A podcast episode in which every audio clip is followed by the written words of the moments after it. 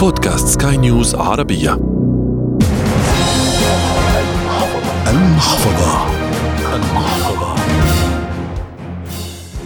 أهلا بكم. الكثير من المغتربين يهتمون بسعر صرف العملات لأنهم إما يقومون بالتحويل لعائلاتهم أو إرسال مبلغ للادخار في بلدانهم، لكنهم يلاحظون أن هناك اختلافا حتى لو كان طفيفا في كل مرة على المبلغ، وهذا يعني مع طول الفترة مبلغا كبيرا. في حلقة اليوم من المحفظة والتي تأتيكم على منصة بودكاست سكاي نيوز عربية. معي أنا أحمد ألآغا. نستضيف الخبير الاقتصادي والمحلل المالي محمد جلال. للاستفادة من بعض المعلومات حول أسعار العملات وكيف نستفيد من فرق أسعارها. نرحب بضيفنا الاقتصادي محمد جلال. أهلا بك. أهلا وسهلا. أول سؤال. كيف يتم تحديد سعر العملة؟ وماذا يعني ارتفاعها وانخفاضها؟ وما الأسباب التي تؤثر في تذبذب هذه الأسعار. خلينا آه نبدأ الأول بإن آه لسنين طويلة كان هناك ما يعرف باسم قاعدة الذهب وإن آه العملة بيوازيها جزء من الذهب موجود لدى البنك المركزي. ولكن القاعدة هذه تم الانتهاء أو انتهى العمل بها في عام 1971 آه قيمة العملة بشكل عام في معظم الاقتصادات الرئيسية بتتحدد وفقا للعرض والطلب. بمعنى إن قيمة العملة مربوطة قدام عملة أخرى أو قيمة العملة بتحدد أمام عملة أخرى في سوق حر مفتوح بيحصل على هذه العملة تداول من عرض وطلب. ناس بتضارب في أغلبهم مضاربين على هذه العملة أو ناس بتشتري هذه العملة في السوق المفتوح أو في البورصات الأسواق آه، العالمية.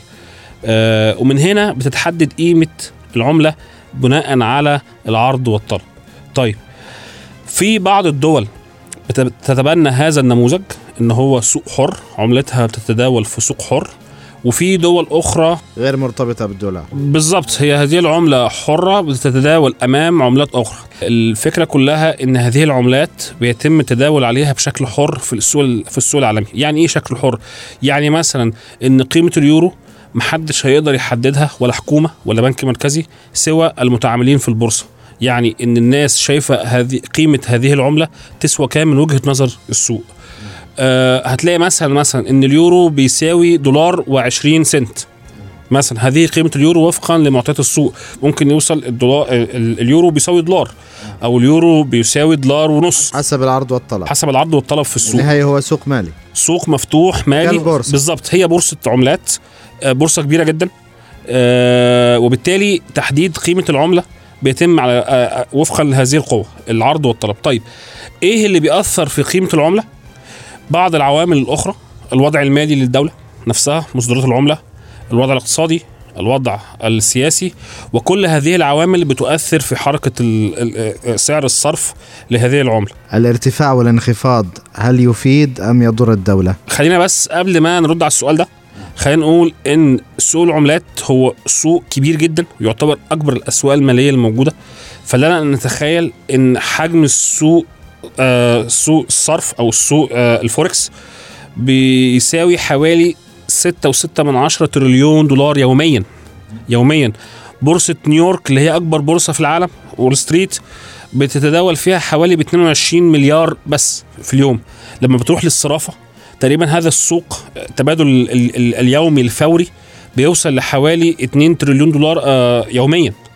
اللي هم ال- البنوك مع بعضها والصرافات مع بعضها و و و. فهو السوق كبير جدا جدا للغاية كسوق عملات. ومن هنا بيتحدد سعر آه، صرف العملة. نرجع بقى لسؤالك. هل آه، قيم هل ارتفاع قيمة العملة أو انخفاضها أمر إيجابي؟ على حسب أنت بتسأل مين. فمثلا الدول اللي بتصدر واللي عندها فائض تجاري واللي عندها فائض مالي كبير بالنسبة لها إن عملتها تكون ضعيفة ده شيء كويس جدا. طبعا الناس هتستغرب الناس عندها اعتقاد أو أغلب الناس بتعتقد إن كل لما كانت العملة قيمتها مرتفعة ده شيء كويس. ولكن في الحقيقة على حسب تسال مين. فمثلا لو الدولة بتصدر هناخد مثلا نموذج الصين كوريا الجنوبية اليابان سويسرا. هذه الدول بتفضل إن تفضل عملتها ضعيفة؟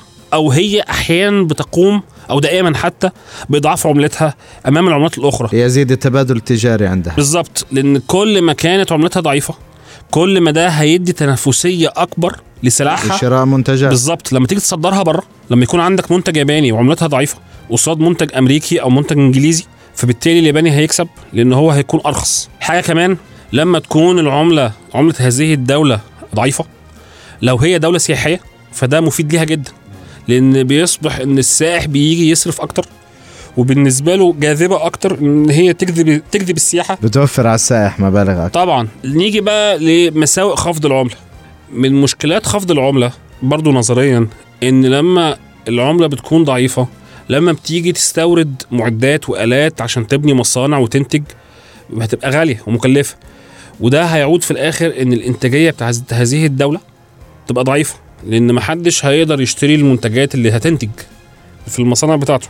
المواطن نفسه اللي عملته ضعيفة دولته عملتها ضعيفة هتضعف من قوته الشرائية في الخارج. طب أنا كشخص كيف ممكن أستفيد من اختلاف أسعار الصرف؟ المضاربة أو المتاجرة في سوق العملات. وهنا هيشترط على ال- الشخص اللي عايز يقوم بهذا الشيء إنه يكون على دراية وملم بأساسيات السوق وكيفية الاستثمار في هذا السوق لأن هو سوق آه، مربح ولكنه في نفس الوقت على قدر الربح على قدر العائد. هو ذو مخاطرة عالية جدا. آه، وبالتالي يجب أن يكون الشخص ملم بهذا. من الممكن إن الانسان إن الشخص يربح من التداول في العملات. آه، إذا كان قدر إن هو يراهن أو قدر يتوقع آه، إن هذه العملة قد آه، ترتفع في المستقبل. مثلا أنا أقول أن هناك أشخاص مجبرين كل شهر على إرسال أموال لبلدانهم أو لعائلاتهم شيء من هذا القبيل. الأسلم لهم الآن أن يرسلوا النقود من دولهم إلى البلد الآخر دون تحويل إلى دولار ثم إلى بالظبط بالظبط لأن في الغالب في الغالب يعني المبالغ اللي بترسل طالما شخص بيرسل جزء من دخله فهو مش بالمبلغ الكبير أو الفروق الكبيرة اللي ممكن تخليه يحقق ثروة كبيرة جدا من هذا التحويل يعني. بشكل ما أو بآخر يعني كل الحكاية تكلفة والعائد. بمعنى آه، أنت هتدور على أنسب حد هيديلك آه، تكلفة تحويل آه، قليلة جدا. وفي نفس الوقت سعر صرف كويس. في بعض الأماكن بتشيل هي تكلفة التحويل وبتحاسبك بفرق السعر أكبر. وفي أماكن تانية بتبقى عندها خصومات على التحويل للدول معينة. فده بيرجع على ال- الشخص نفسه اللي بيحول الفلوس ويدور على أنسب طريقة تعظم من الأرباح في أثناء التحويل. الخبير الاقتصادي محمد جلال شكرا لك على كل هذه المعلومات. إلى هنا نصل إلى ختام هذه الحلقة والتي أتتكم على منصة بودكاست سكاي نيوز عربية. هذه تحياتي أحمد الآغا ومن الإخراج الإذاعي غسان أبو مريم. إلى اللقاء. المحفظة.